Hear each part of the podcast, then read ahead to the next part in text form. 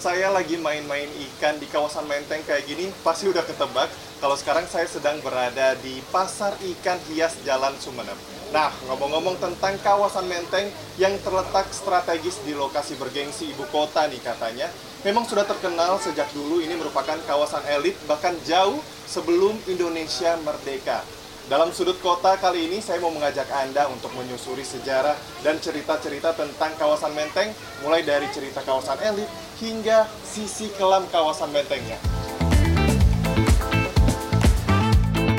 Ya, berdiri sejak tahun 1970, Pasar Ikan Hias Sumeneb merupakan salah satu lokasi berbelanja ikan hias di ibu kota. Beragam jenis ikan hias dijajakan di sini. Tidak hanya itu, di pasar ikan ini juga dijual aneka perabot pemeliharaan ikan hias mulai dari batu karang, pakan ikan, akuarium, hingga mesin filter oksigen untuk akuarium. Berbicara tentang Menteng, kawasan ini ternyata menyimpan banyak cerita di masa lalu. Bermula pada tahun 1910 dicanangkan sebagai taman kota pertama di Batavia pada zaman kolonial Belanda. Kawasan ini menyediakan rumah bagi golongan atas. Seiring waktu, kawasan ini menjadi tempat tinggal para tokoh penting Indonesia seperti Bung Karno dan Bung Hatta. Sejarawan Universitas Gajah Mada Yogyakarta, Odi Satrio Dwi menceritakan asal-usul nama kawasan Menteng dan kondisinya saat dahulu dihuni oleh sejumlah hewan buas. Terdapat eh, sebuah sungai kecil ya, Sproutje dalam bahasa Belanda, yang disebut Sungai Menteng.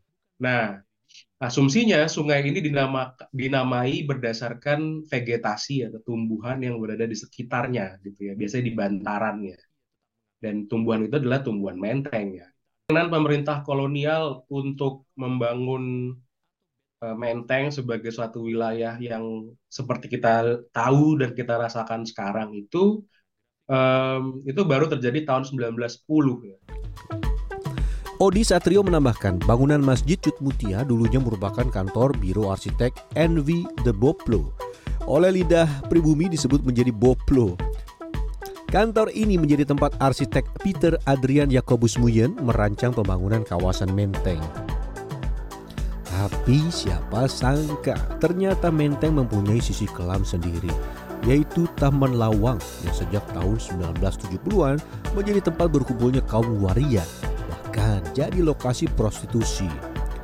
Momon, pedagang di lokasi ini menuturkan, hingga sekarang ia masih sering menjumpai waria ketika malam hari. Saya dagang mulai tahun 1998 wow.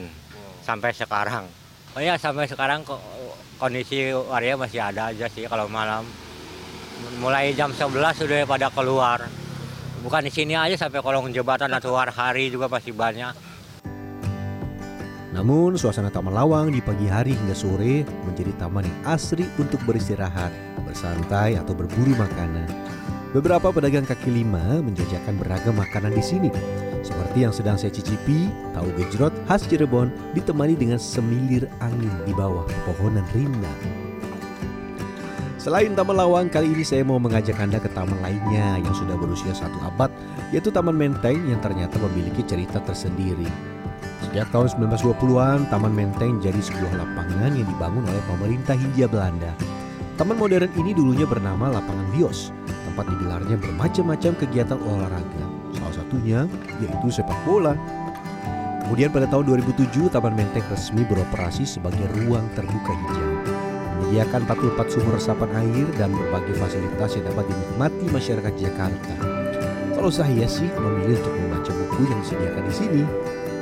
Dari kampus sih kayak online, jadi makanya main aja ke sini mampir. Oh, gitu. Tempat olahraga ada banyak dah buat istirahat. Oh, gitu. Setelah berkeliling taman di kawasan Menteng, perut saya sudah mulai keroncongan. Saya mau menjajal salah satu kuliner yang legendaris, yaitu nasi uduk yang berada di Gondang Gia. Berjarak 15 menit dengan jalan kaki dari Taman Menteng, saya sudah bisa mencicipi nasi uduk yang sudah berjualan sejak tahun 1993 ini. Ini kita langsung coba dulu.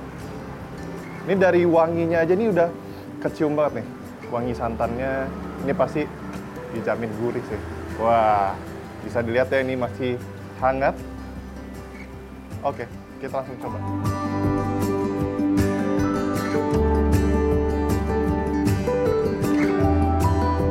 Hmm.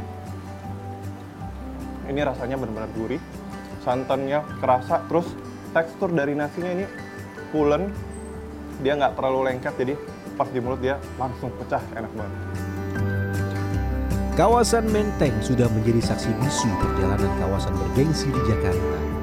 Dulu menjadi permukiman elit dari zaman kolonial Belanda hingga saat ini didiami oleh para pejabat tinggi negara. Namun yang terpenting, taman-taman di Menteng dapat menjadi salah satu paru-paru paling berpengaruh di Jakarta. Rafis Ari Nugraha, Andi Angga Cita Kesuma, Jakarta.